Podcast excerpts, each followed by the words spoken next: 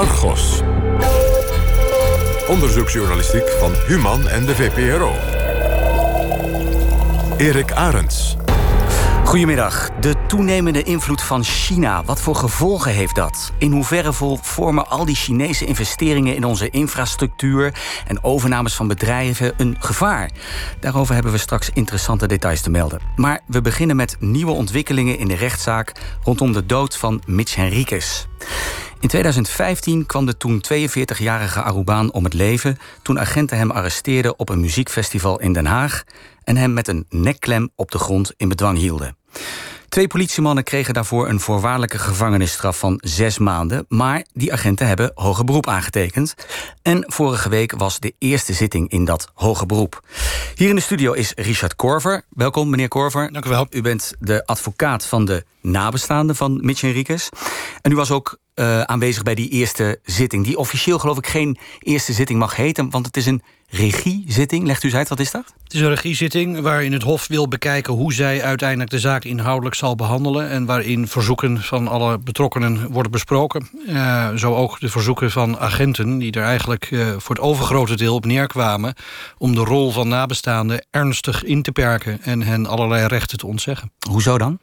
Nou ja, ze hebben bijvoorbeeld gevraagd om uh, te verbieden... dat wij verzoeken mogen doen. Dat is wel heel algemeen. Hè? zou bijna denken dat je niet meer in een rechtsstaat leeft. dat je niet mm. gewoon een verzoek mag doen aan de rechter. maar dat wilde men. Men wilde verbieden dat wij stukken konden voegen. Uh, zoals u misschien nog weet hebben wij in eerste aanleg beelden gevoegd... waardoor de rechtbank ook tot een goed oordeel heeft kunnen komen. Dat waren beelden waarop te zien was hoe Mitch Henriquez werd gearresteerd, hè? Uh, ja, en, en, dat waren haarscherpe beelden... waardoor ook te zien was dat er sprake was van een nekklem... en niet van een kaak- of hoofdklem... zoals eerst door de betrokken agenten werd gesuggereerd... of zelfs gewoon werd verklaard. Mm -hmm. um, en na confrontatie met die beelden... Ja, kon men er toch niet meer omheen dat het anders was. Ja, en zij zeggen dus nu... Um, wij willen die rol beperken. Is dat, wat heeft u daar tegenin kunnen brengen?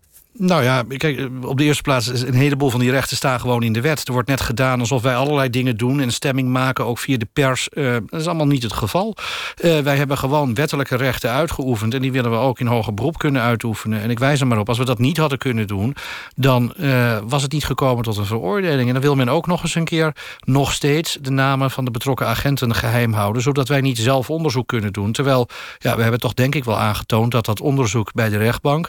niet zozeer door rechtbank, maar door het Openbaar Ministerie... aan grote uh, gebreken aan hebben gekleefd. Wat deed u daar trouwens? Want de, de, uh, de rechtszaak gaat tussen aan de ene kant, zou je zeggen... het Openbaar Ministerie en de agenten. U heeft daar toch eigenlijk helemaal geen rol in verder? Nou, gelukkig uh, wel. Uh, dat was vroeger zo in de tijd van Napoleon. Die maakte slachtoffers, maar hij plaatste ze niet in de wet. Uh, de wet in Nederland is gebaseerd op de Code Penal, door hem ingevoerd. Maar gelukkig, sinds 2005 hebben slachtoffers een bepaalde rechten. En die probeer ik in volle extenso, zoals iedere advocaat dat voor zijn cliënt probeert te doen, uit te oefenen. En laten we wel zijn, kijk, meneer Henriquez is in de letterlijke zin het woord ontnomen. het zwijgen opgelegd. mijn cliënten vinden dat zij gewoon gebruik moeten kunnen maken van de rechten die hen toekomt. We gaan zo verder met u praten. Laten we eerst nog even op een rij zetten wat er precies aan de hand was in die uh, zaak Henriques. Want de vraag was natuurlijk, hè, die lange tijd een rol speelde... en misschien nog wel steeds speelt, is waaraan overleed hij nou precies? Was het het acuut stresssyndroom, waar het Openbaar Ministerie van uitging... of was het de nekklem met verstikking tot gevolg? Daarover maakten Sanne Boer en ik vorig jaar een uitzending. Laten we nog even luisteren naar een stuk uit die reportage.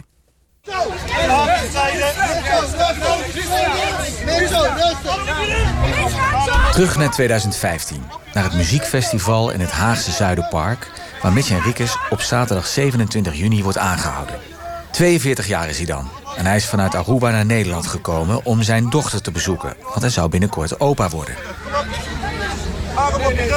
Hij roept tegen de politie dat hij een wapen bij zich heeft... en grijpt daarbij in zijn kruis. Blijkt een verkeerde grap op het verkeerde moment. De politieagenten houden hem aan wegens verstoring van de openbare orde.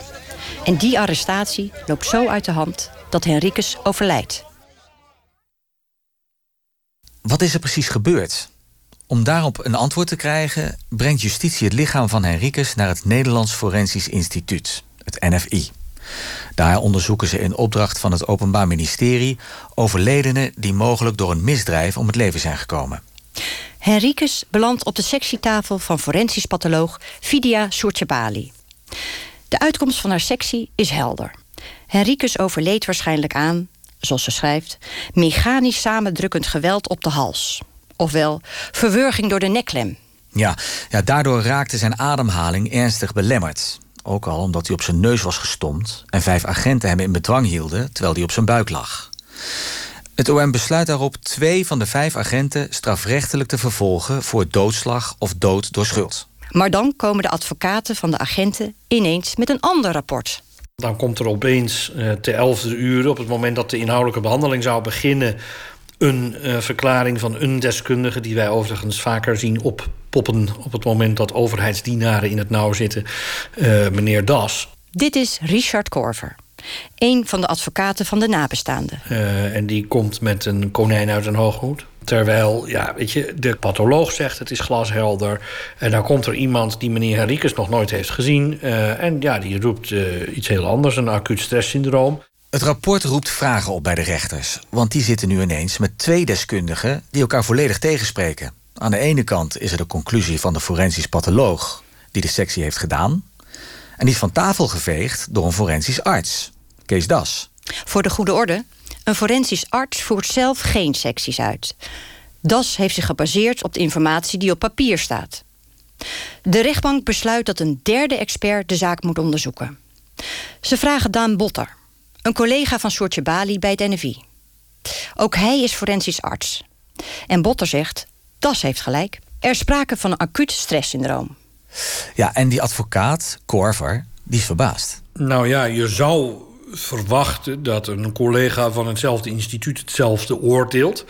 Maar uh, deze meneer oordeelt eigenlijk uh, totaal contrair aan zijn eigen collega. En, Onafhankelijk zou je kunnen zeggen.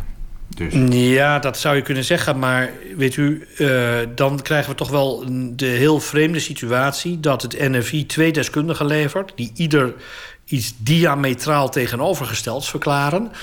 Um, het NFI, we hebben maar één NFI in ons land. Uh, daar wordt blind op gevaren uh, door alle uh, mensen die in de strafrechtketen werkzaam zijn. Maar met name rechters vinden de visie van het NFI heel erg belangrijk. En daar moet je toch op kunnen vertrouwen. Nou ja, als die mensen daar intern al niet op één lijn zitten, dan, dan ja, wordt het toch wel ernstig. Uh, sfeer was om te snijden uh, tijdens de zitting... waarin deze deskundigen met elkaars bevindingen werden uh, geconfronteerd. Um, dat is voor nabestaanden eigenlijk een hele heikele kwestie. Want die vertrouwen erop dat de overheid ter zake kundige pathologen anatomen inschakelt om secties te verrichten als er een verdenking is van een strafbaar feit. En al helemaal als de verdenking is dat iemand van de overheid een burger om het leven heeft gebracht. Uh, je zou eigenlijk willen dat als het NFI iets vindt, dat het hele NFI dat dan ook vindt. Uh, en niet uh, dat je dan toch nog afhankelijk bent van welke persoon binnen het NFI iets vindt. We hebben met bronnen binnen het NFI gesproken. En ook zij vinden het raar dat hun instituut met twee monden spreekt. Officieel wil het NFI ons geen commentaar geven. De advocaten van de agenten willen ook niets zeggen. Ja, zij willen wachten tot de uitspraak door de rechtbank. Maar je mag ervan uitgaan dat zij in hun nopjes zijn over de conclusies van de derde expert. Die was immers door de rechtbank aangewezen en geeft hun deskundige gelijk. En de advocaten vinden daarna nog iemand die de theorie van het acuut stresssyndroom onderschrijft. Forensisch patholoog Pieter van Driessen. Ja, en zo wordt de stand 3-1, om in de woorden van het Openbaar Ministerie te blijven. Het OM wijzigt nu haar opstelling ten opzichte van de agenten. Ze worden niet langer verdacht van doodslag of dood door schuld, maar alleen nog van mishandeling.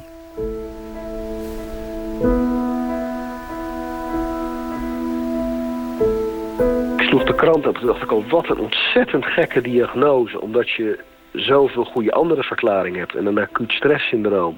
Mij echt op dat moment uitzonderlijk onwaarschijnlijk leek. In Den Haag valt Raymond Baak om van verbazing. Baak is cardioloog-intensivist in het Haga ziekenhuis. Hij is de arts die Mitch Henriques in 2015 na die gewelddadige arrestatie heeft behandeld. En uh, ook andere collega's die de behandeling, bij de behandeling van deze patiënt betrokken waren, die vonden dat ook een uh, bijzondere conclusie. Ik ben toen nog door meerdere collega-intensivisten die mij actief gebeld hebben van... joh, wat is dit een ontzettend gek verhaal, deze diagnose. En dat is eigenlijk het moment waarop ik heb gezegd van... kan ik hier nou nog wat extra's voor betekenen. Dus ik wil gewoon het belang van mijn patiënt dienen. En hij is niet de enige medicus die zich verbaast over het besluit van het OM. Oké, we zitten hier met z'n drieën, uh, met z'n vieren, drie uh, deskundigen aan tafel, drie hoogleraren intensive care op de kamer van uh, Amman Geerbus in het VUMC. Misschien moet u zich eerst even voorstellen. Ik ben Amman Geerbus, ik ben hoogleraar intensive care geneeskunde en hoofd van de afdeling intensive care volwassenen in het VU Medisch Centrum. Ik ben Jan Bakker, ik ben hoogleraar intensive care aan het Erasmus MC en aan Columbia University en New York University in New York. Ik ben Diederik Gommers, ook hoogleraar intensive care geneeskunde aan de Erasmus uh, Medisch Centrum en ook afdelingshoofd van die intensive care volwassenen al daar. En u bent voorzitter? Voorzitter van de Nederlandse Vereniging van Intensive Care. Het zijn niet de eerste de beste medici die zich melden. En ze doen het met twijfel. Want ze willen zich niet mengen in een lopende rechtszaak. Maar hun medische beroepsethiek dwingt ze om zich uit te spreken, vinden ze. Ze staan voor hun vak Professor Bakker. Wij willen graag, als we iets horen over iemand is overleden aan... en er komt een diagnose die wij niet kennen... zouden wij graag willen weten hoe dat zit. Maar in het algemeen, als het om een rechtszaak gaat... dan krijg je vraagtekens. En die zouden wij graag beantwoord willen zien, die vragen die we hebben. Meneer Gommers, wat dacht u toen u voor het eerst hoorde... het is een acuut stresssyndroom waar meneer Henriques is overleden? Nou, dan ga ik nadenken. Snap je? Dat is wat wij ook iedere dag op de werkvloer doen. Hoe hoorde u het? Via het nieuws. Ja. En toen? En, toen dacht ik van, maar wat, wat bedoelen ze dan precies? En, en begrijp ik het? En dat was mijn uitdaging toen ik hoorde van... hier is sprake van een acuut stresssyndroom. Hebben jullie er al eens eerder van gehoord? Dat, dat er in een rechtszaak of elders uh, wordt verteld... ja, deze meneer of deze mevrouw is overleden aan een acuut stresssyndroom? Nou, ik hou niet de hele rechtsgang uh, bij. Uh, ik luister ook niet altijd naar de Nederlandse media. Maar ik had het nog nooit eerder gehoord. Nee, en ook niet in andere landen.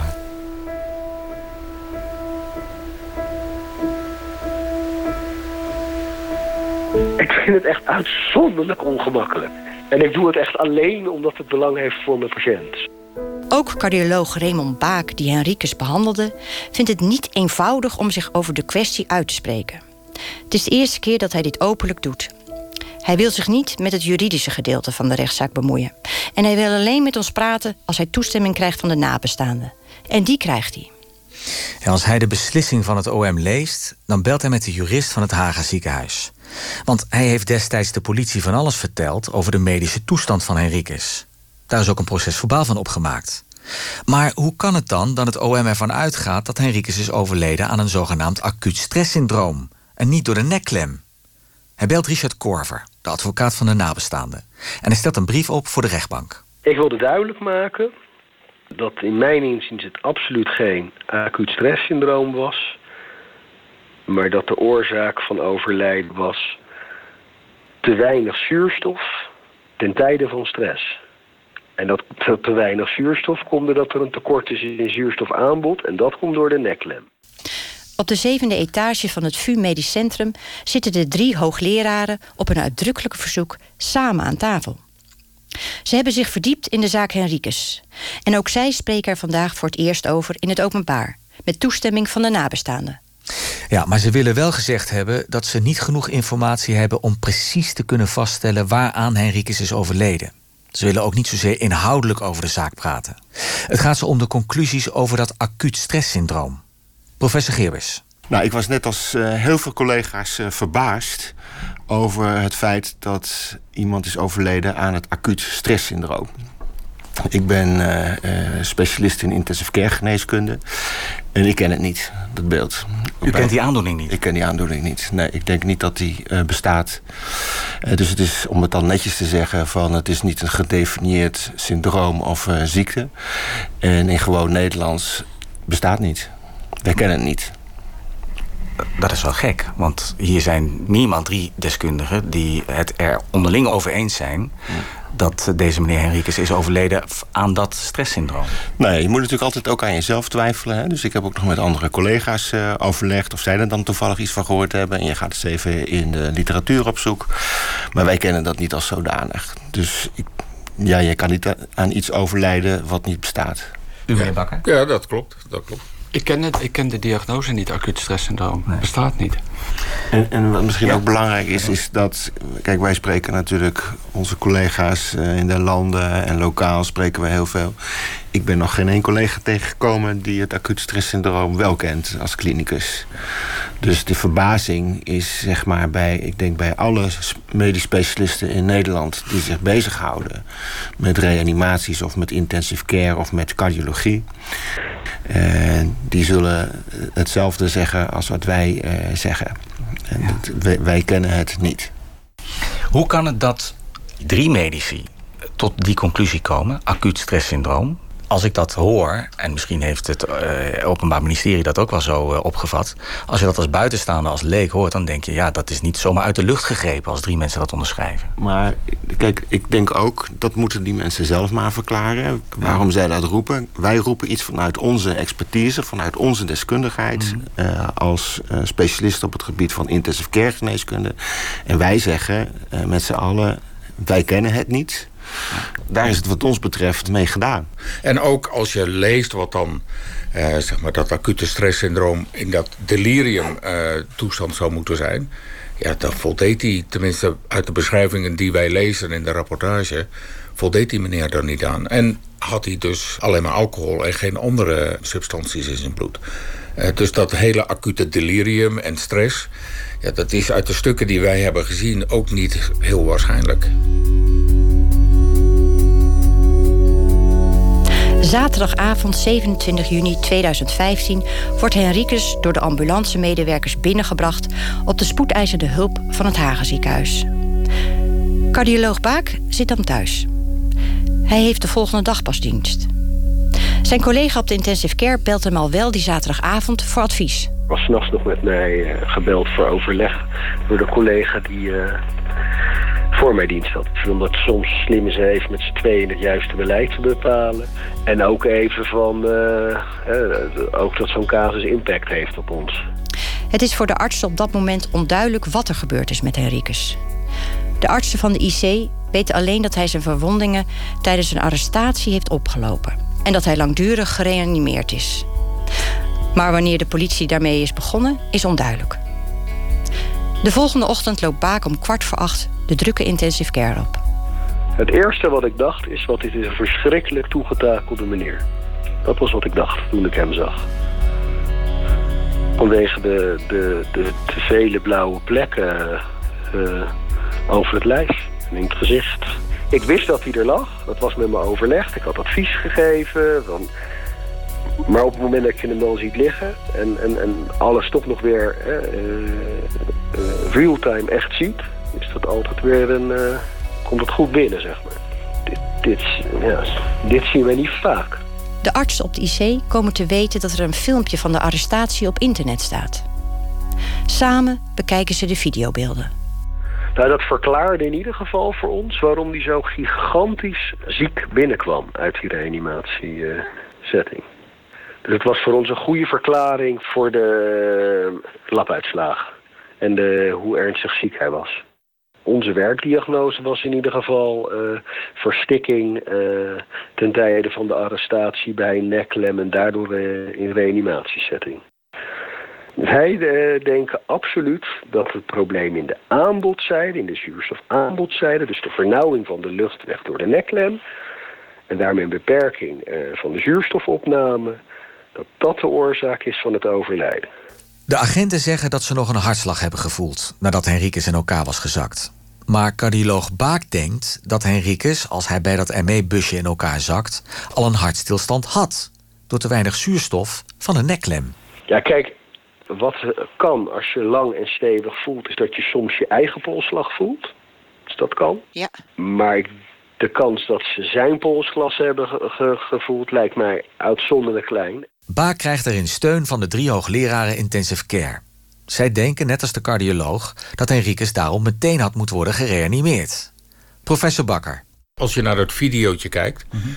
dan wordt de betreffende patiënt wordt rechtop gezet. Aan de beelden die je ziet is dat hij op zijn minst diep bewusteloos is... want zijn benen vallen naar buiten toe. Dus hij heeft geen controle om... want normaal hou je je voeten rechtop. Uh, hij zakt ook in elkaar, hij valt ook voorover. Uh, dus in ieder geval is die meneer diep bewusteloos. Ja. En onder elke andere omstandigheid... als je de politie belt, er ligt hier iemand en die is diep bewusteloos... word je niet achter in een busje gekieperd dan wordt er een ambulance gebeld, een traumahelikopter gebeld. Uh, en dat is merkwaardig. Deze meneer is totaal niet meer responsief, reageert nergens op. Uh, ja, die leg je niet achter in een busje. Dat is een hele merkwaardige gang van zaken. Bakker heeft geprobeerd de logica van de aanhangers van de stresstheorie te begrijpen. Hij bestudeerde hun stukken, maar antwoorden op zijn vragen vond hij niet. Alle uh, zeg maar, meest voor de hand liggende dingen worden uh, individueel afgestreept. En ja, dat is merkwaardig. Een hele merkwaardige gedachtegang. Nee, als je iemand een, een nekklem aanlegt, uh, bovenop zijn, uh, zijn borstkas gaat zitten, zijn buik op de grond drukt. Met de nekklem zijn armen onder zijn lijf probeert weg te trekken. En iemand wordt blauw en achteraf heeft hij allemaal bloeduitstortingen en, en breuken in de kraakbeen van, de, van de hals. Um, als al dat soort dingen dan leiden tot een heel exotische diagnose, ja, dat is merkwaardig. Op de intensive care afdeling van cardioloog Baak wordt Henriques na de arrestatie kunstmatig in slaap gehouden. Hij kreeg maximaal zuurstof toegediend en ook veel medicijnen om zijn bloeddruk op peil te houden. Onder andere zogeheten stresshormonen. Ja, en daar ziet Baak, als hij er nu op terugkijkt, nog een ander bewijs voor zijn stelling dat het geen acute stress was die zijn patiënt fataal werd. Hij kreeg ook uh, zeg maar adrenaline en uh, noradrenaline in hoge standen toegediend om in uh, leven te blijven en voldoende bloeddruk op te bouwen. En dat gaven we toen in veel hogere dosering als het lichaam dat zelf aan kan maken. En ehm, dat is wel wat we heel gek vinden. Hij heeft geen enkele ritmestoornis bij ons laten zien. En als je dus van een acuut stresssyndroom zou spreken... zou je zeggen dat die, deze stresshormonen... Uh, de hartritmestoornis zouden veroorzaken. Dus de hartstilstand zouden veroorzaken. En dan is het wel gek dat als wij veel hogere doseringen van deze uh, stresshormonen toedienen dus, dus hè, de noradrenaline en de adrenaline, dat er dan bij ons ten tijde van de gehele opname geen enkele hartritmestoornis is. Dat pleit wat mij betreft heel erg tegen een uh, acuut stresssyndroom. Wat zei de hoofdofficier van justitie alweer tegen Jeroen Pauw? En dan is het de vraag, uh, is de doodsoorzaak nou de verstikking nou, dan zeggen de meeste medisch wat de ene, deskundigen... Ene deskundige wat één deskundige wel zegt, ja. maar drie anderen niet.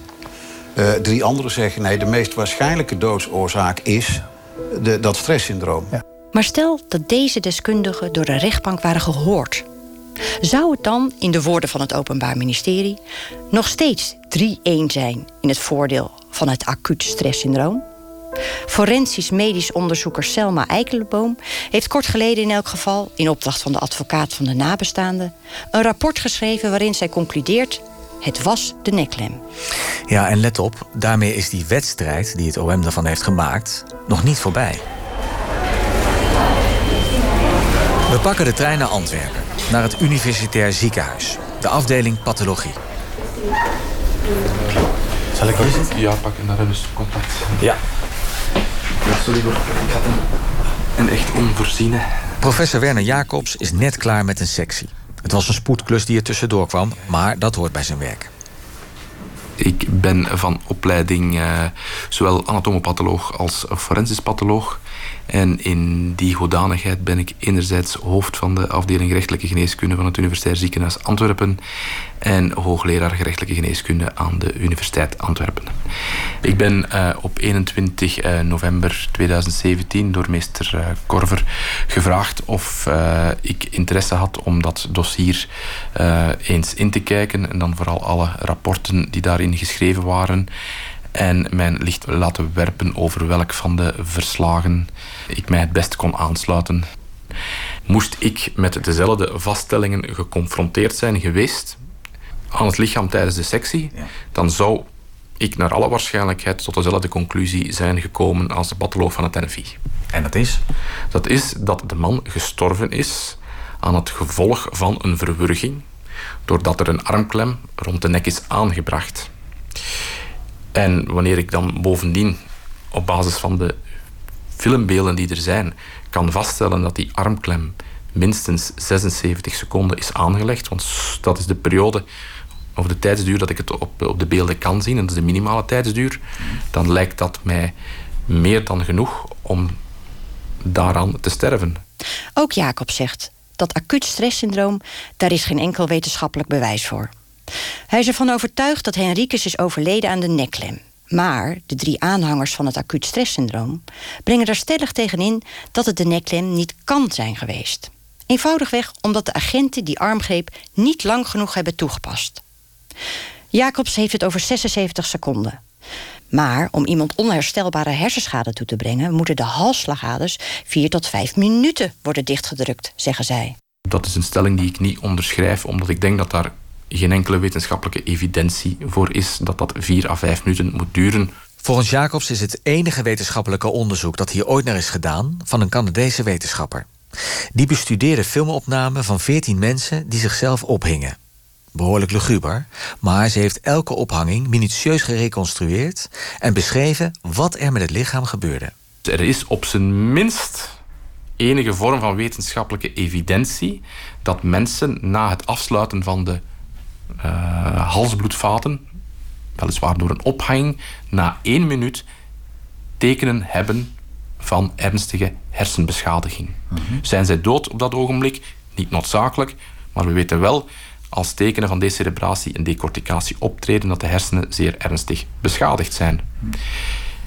En als dat bij 14 ophangingen is aangetoond dat dat in een tijdsbestek van 30 tot 60 seconden kan optreden, ja, dan mag men er redelijkerwijs toch van uitgaan dat dat, dat dergelijke ernstige waarschijnlijk irreversibele hersenbeschadiging zich ook heeft voorgedaan wanneer iemand voor minstens 76 seconden verwurgd wordt door het aanleggen van, van een halsklem. Daarnaast is Jacobs nog iets opgevallen. De deskundigen spreken niet alleen van acuut stresssyndroom, maar ook van excited delirium en restrained asphyxia. En het probleem is dat heel veel mensen niet vertrouwd zijn met de correcte betekenis van een aantal termen. Ik zou mij doodschamen om de term geëxciteerd delirium te gebruiken als ik niet eerst kan aantonen dat iemand geëxciteerd was. En ik denk dat een aantal mensen gewoon termen aan het uh, mengelen zijn geweest, terwijl ze de correcte betekenis van die termen niet kennen en toch gebruiken. Dan krijgen we ook nog een tip.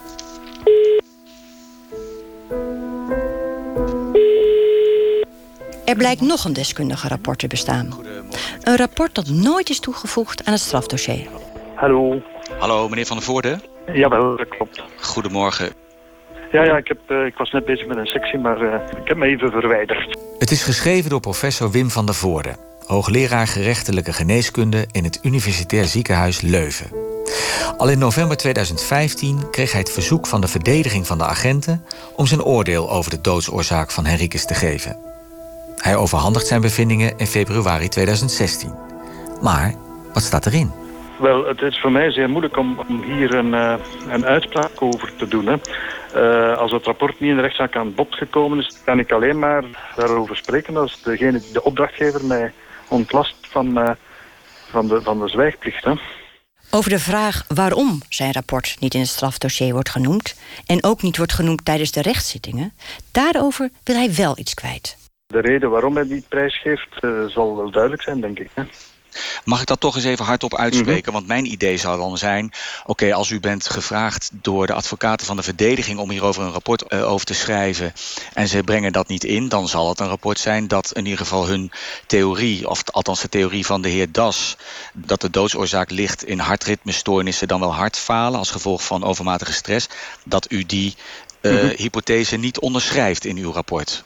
Ja, in ieder geval als... Uh kan alleen maar vermoeden waarom. En de, de meest ja. voor de hand liggende logische redenering is dat wanneer een rapport niet wordt ingebracht, ja, dat het hen niet helpt bij de verdediging. Hè? Ja. Dat, uh, ik denk dat dat een logische conclusie is. Ik zie niet in. Uh, ze hebben al sinds het rapport tijdig gekregen, ruim voor, voor de rechtszaak. Dus, uh, Ja, ja, oké. moeten daar een reden voor hebben. En de, de, volgens de belangrijkste reden, denk ik, is logischerwijze dat dat rapport niet in, uh, om, het, om het wat cru te zeggen, past in het kraam van de verdediging. Hè? Dat het ja. hen niet helpt of dat ze het niet nuttig achten om het te gebruiken in hun verdediging. Moeten we het nog over de stand hebben? 3-1 voor het acuut stresssyndroom, zei het Openbaar Ministerie. De patholoog, Dr. Soesbali Maikou, staat alleen in haar oordeel. Zij staat alleen in haar oordeel dat verwurging de meest waarschijnlijke doodsoorzaak is. Wat de stand nu is, mag u zelf beoordelen. 3-1 is het in elk geval niet meer. Maar maakt dat nog iets uit? Dat vragen we aan advocaat Richard Korver. Kan deze laatste informatie, hoogleraren die zich spontaan ineens uitspreken over dat acuut stresssyndroom, dat bestaat niet. De cardioloog die uh, zich nu ook openlijk meldt en zegt: het is de nekklem. Uh, een rapport dat ergens in de la ligt dat kennelijk uh, volgens betrokkenen in ieder geval niet concludeert dat het het acuut stresssyndroom is. Al deze extra informatie. Kan dat van invloed zijn, denkt u? Nou, je mag het toch hopen van wel. Dus er zijn heel veel dokters, zusters, ambulanceverpleegkundigen geweest die ons benaderd hebben van meneer Korver, laat u geen rad voor ogen draaien. Het klopt niet. Nou zijn er hoogleraren notabene die zich bij u melden. Uh, gelukkig, zou ik willen zeggen. Maar dat geeft wel heel ernstig te denken als er zo breed in de medische wereld weerstand is tegen nou, laat ik het maar zeggen, het acuut stresssyndroom in deze zaak. Laat ik het dan voorzichtig formuleren. Dat geeft heel erg te denken. Tot zover de terugblik op die wedstrijd, zou je kunnen zeggen, in de kwestie Henriques. De rechter veroordeelde twee agenten uiteindelijk dus tot een voorwaardelijke gevangenisstraf van zes maanden wegens mishandeling met de dood tot gevolg. Richard Korver, de advocaat van de nabestaanden van Henriques, die u ook in de reportage al hoorde, hij zit hier ook nog steeds in de studio. Meneer Korver, ja, de agenten zijn dus in hoger beroep gegaan. U was vorige week bij die eerste zitting in het hoger beroep en daar vroeg u iets opmerkelijks, want u vroeg het Hof of deze Argos-uitzending die we net hebben gehoord, die reportage, of het Hof die, die wil toevoegen aan het dossier. Jazeker. Waarom? Nou ja, um, omdat er deskundigen zijn van verschillende universiteiten, zelfs uit verschillende landen, uh, die het allemaal met elkaar eens zijn. Je ziet notabene de voorzitter van de Nederlandse Vereniging van Intensive Care Specialisten bij. Mm -hmm. uh, die zeggen dat dit hele syndroom niet bestaat. En Kijk, als een NFI-deskundige iets zegt... dan zit daar toch op zijn minst een saus van deskundigheid overheen. En ja, als dat hele syndroom niet bestaat... Uh, dan moet je toch ernstig twijfelen aan de professionaliteit van deze deskundigen. En mijn cliënten hebben niet, in tegenstelling tot de agenten... de financiële middelen om maar allerlei deskundigen in te huren. Uh, de verdediging wel, die heeft kennelijk ook lang moeten zoeken... om er een paar te vinden die uh, met dat acuut stresssyndroom op de proppen kwamen... wat volgens ons niet bestaat. Maar, maar het, is toch, het is toch gezegd in deze uitzending? Is dat niet voldoende dan? Nee, kijk, de rechter doet recht op basis van het dossier... en niet op basis van uh, een uitzending... waar andere procespartijen zich dan niet over kunnen uitlaten. Dus als je wil dat de rechter iets meeneemt in zijn overwegingen... dan moet je ervoor zorgen dat het in het dossier terechtkomt. En dan mag iedereen daar wat vinden, ook van vinden, ook de agenten. Uh, maar het gaat mij erom dat vooral het Hof er iets van vindt. Het Openbaar Ministerie die wil ook iets toevoegen aan het uh, dossier. Het heeft professor Wilma Duist, bijzonder hoogleraar forensische geneeskunde... gevraagd om een rapport te schrijven opnieuw een rapport. Het Openbaar Ministerie laat ons weten, en dan citeer ik even... in de discussie over de doodsoorzaak van het slachtoffer... zijn deskundigen verdeeld. We hebben professor Duist gevraagd naar de stand van de wetenschap... over het acuut stresssyndroom. Dat wordt dus het zoveelste rapport. Het lijkt net alsof die wedstrijd gewoon doorgaat. Wat vindt u daarvan? Nou ja, je moet uitkijken dat het niet een battle of experts wordt... maar tegelijkertijd moet je er wel voor zorgen... dat een, apert charlatanachtige diagnose... Uh, dat die van tafel gaat. Um, en ik bespeur bij het Openbaar Ministerie... in hoger beroep echt een hele andere houding... dan bij de rechtbank. Daar zijn wij blij mee. Um, zij hebben uh, deze mevrouw gevraagd om daarover te rapporteren. Is een, ook weer een vooraanstaand hoogleraar. Ik kan niet vooruitlopen op dat rapport... omdat dat nog niet aan het dossier is gevoegd... Uh, maar ik kan u wel zeggen dat ik nog geen enkel geluid heb gehoord... Uh, uit uh, welke vooraanstaande hoek dan ook... dat het acuut stresssyndroom wel zou bestaan. Aankomende woensdag neemt het Hof dus een beslissing over uw verzoek... Hè, of de Argos-uitzending uh, aan die processtukken wordt uh, toegevoegd. Um, we hebben al drie hoogleraren, de drie hoogleraren uit die, uitzendingen, uh, uit die uitzending even gebeld. Sanne Boer belde met professor Jan Bakker... van de Columbia University in New York. Hij is ook verbonden aan de Universiteit van Santiago in Chili. En daar kreeg ze hem via een krakende telefoonlijn te pakken. Bent u nog steeds van mening dat het acuut stresssyndroom niet bestaat? Ja, daar ben ik nog steeds van mening. Tenminste, Ik heb geen nieuwe studies gezien waarin uh, plotseling dat acute stresssyndroom uh, gedefinieerd is. Uh, en staat u nog steeds achter de dingen die u vorig jaar in Argos heeft gezegd? Ja, nog steeds. Ja. En zou u dat ook voor een rechter willen verklaren? Ja, als een rechter uh, geüpdate wil worden. Sterker nog, het is heel merkwaardig dat de groep die eigenlijk dagelijks te maken heeft met vormen van acute stress, die bedoeld zijn om iemand in leven te houden, dat dergelijke experts in de hele zaak niet betrokken zijn. Al dus professor Bakker.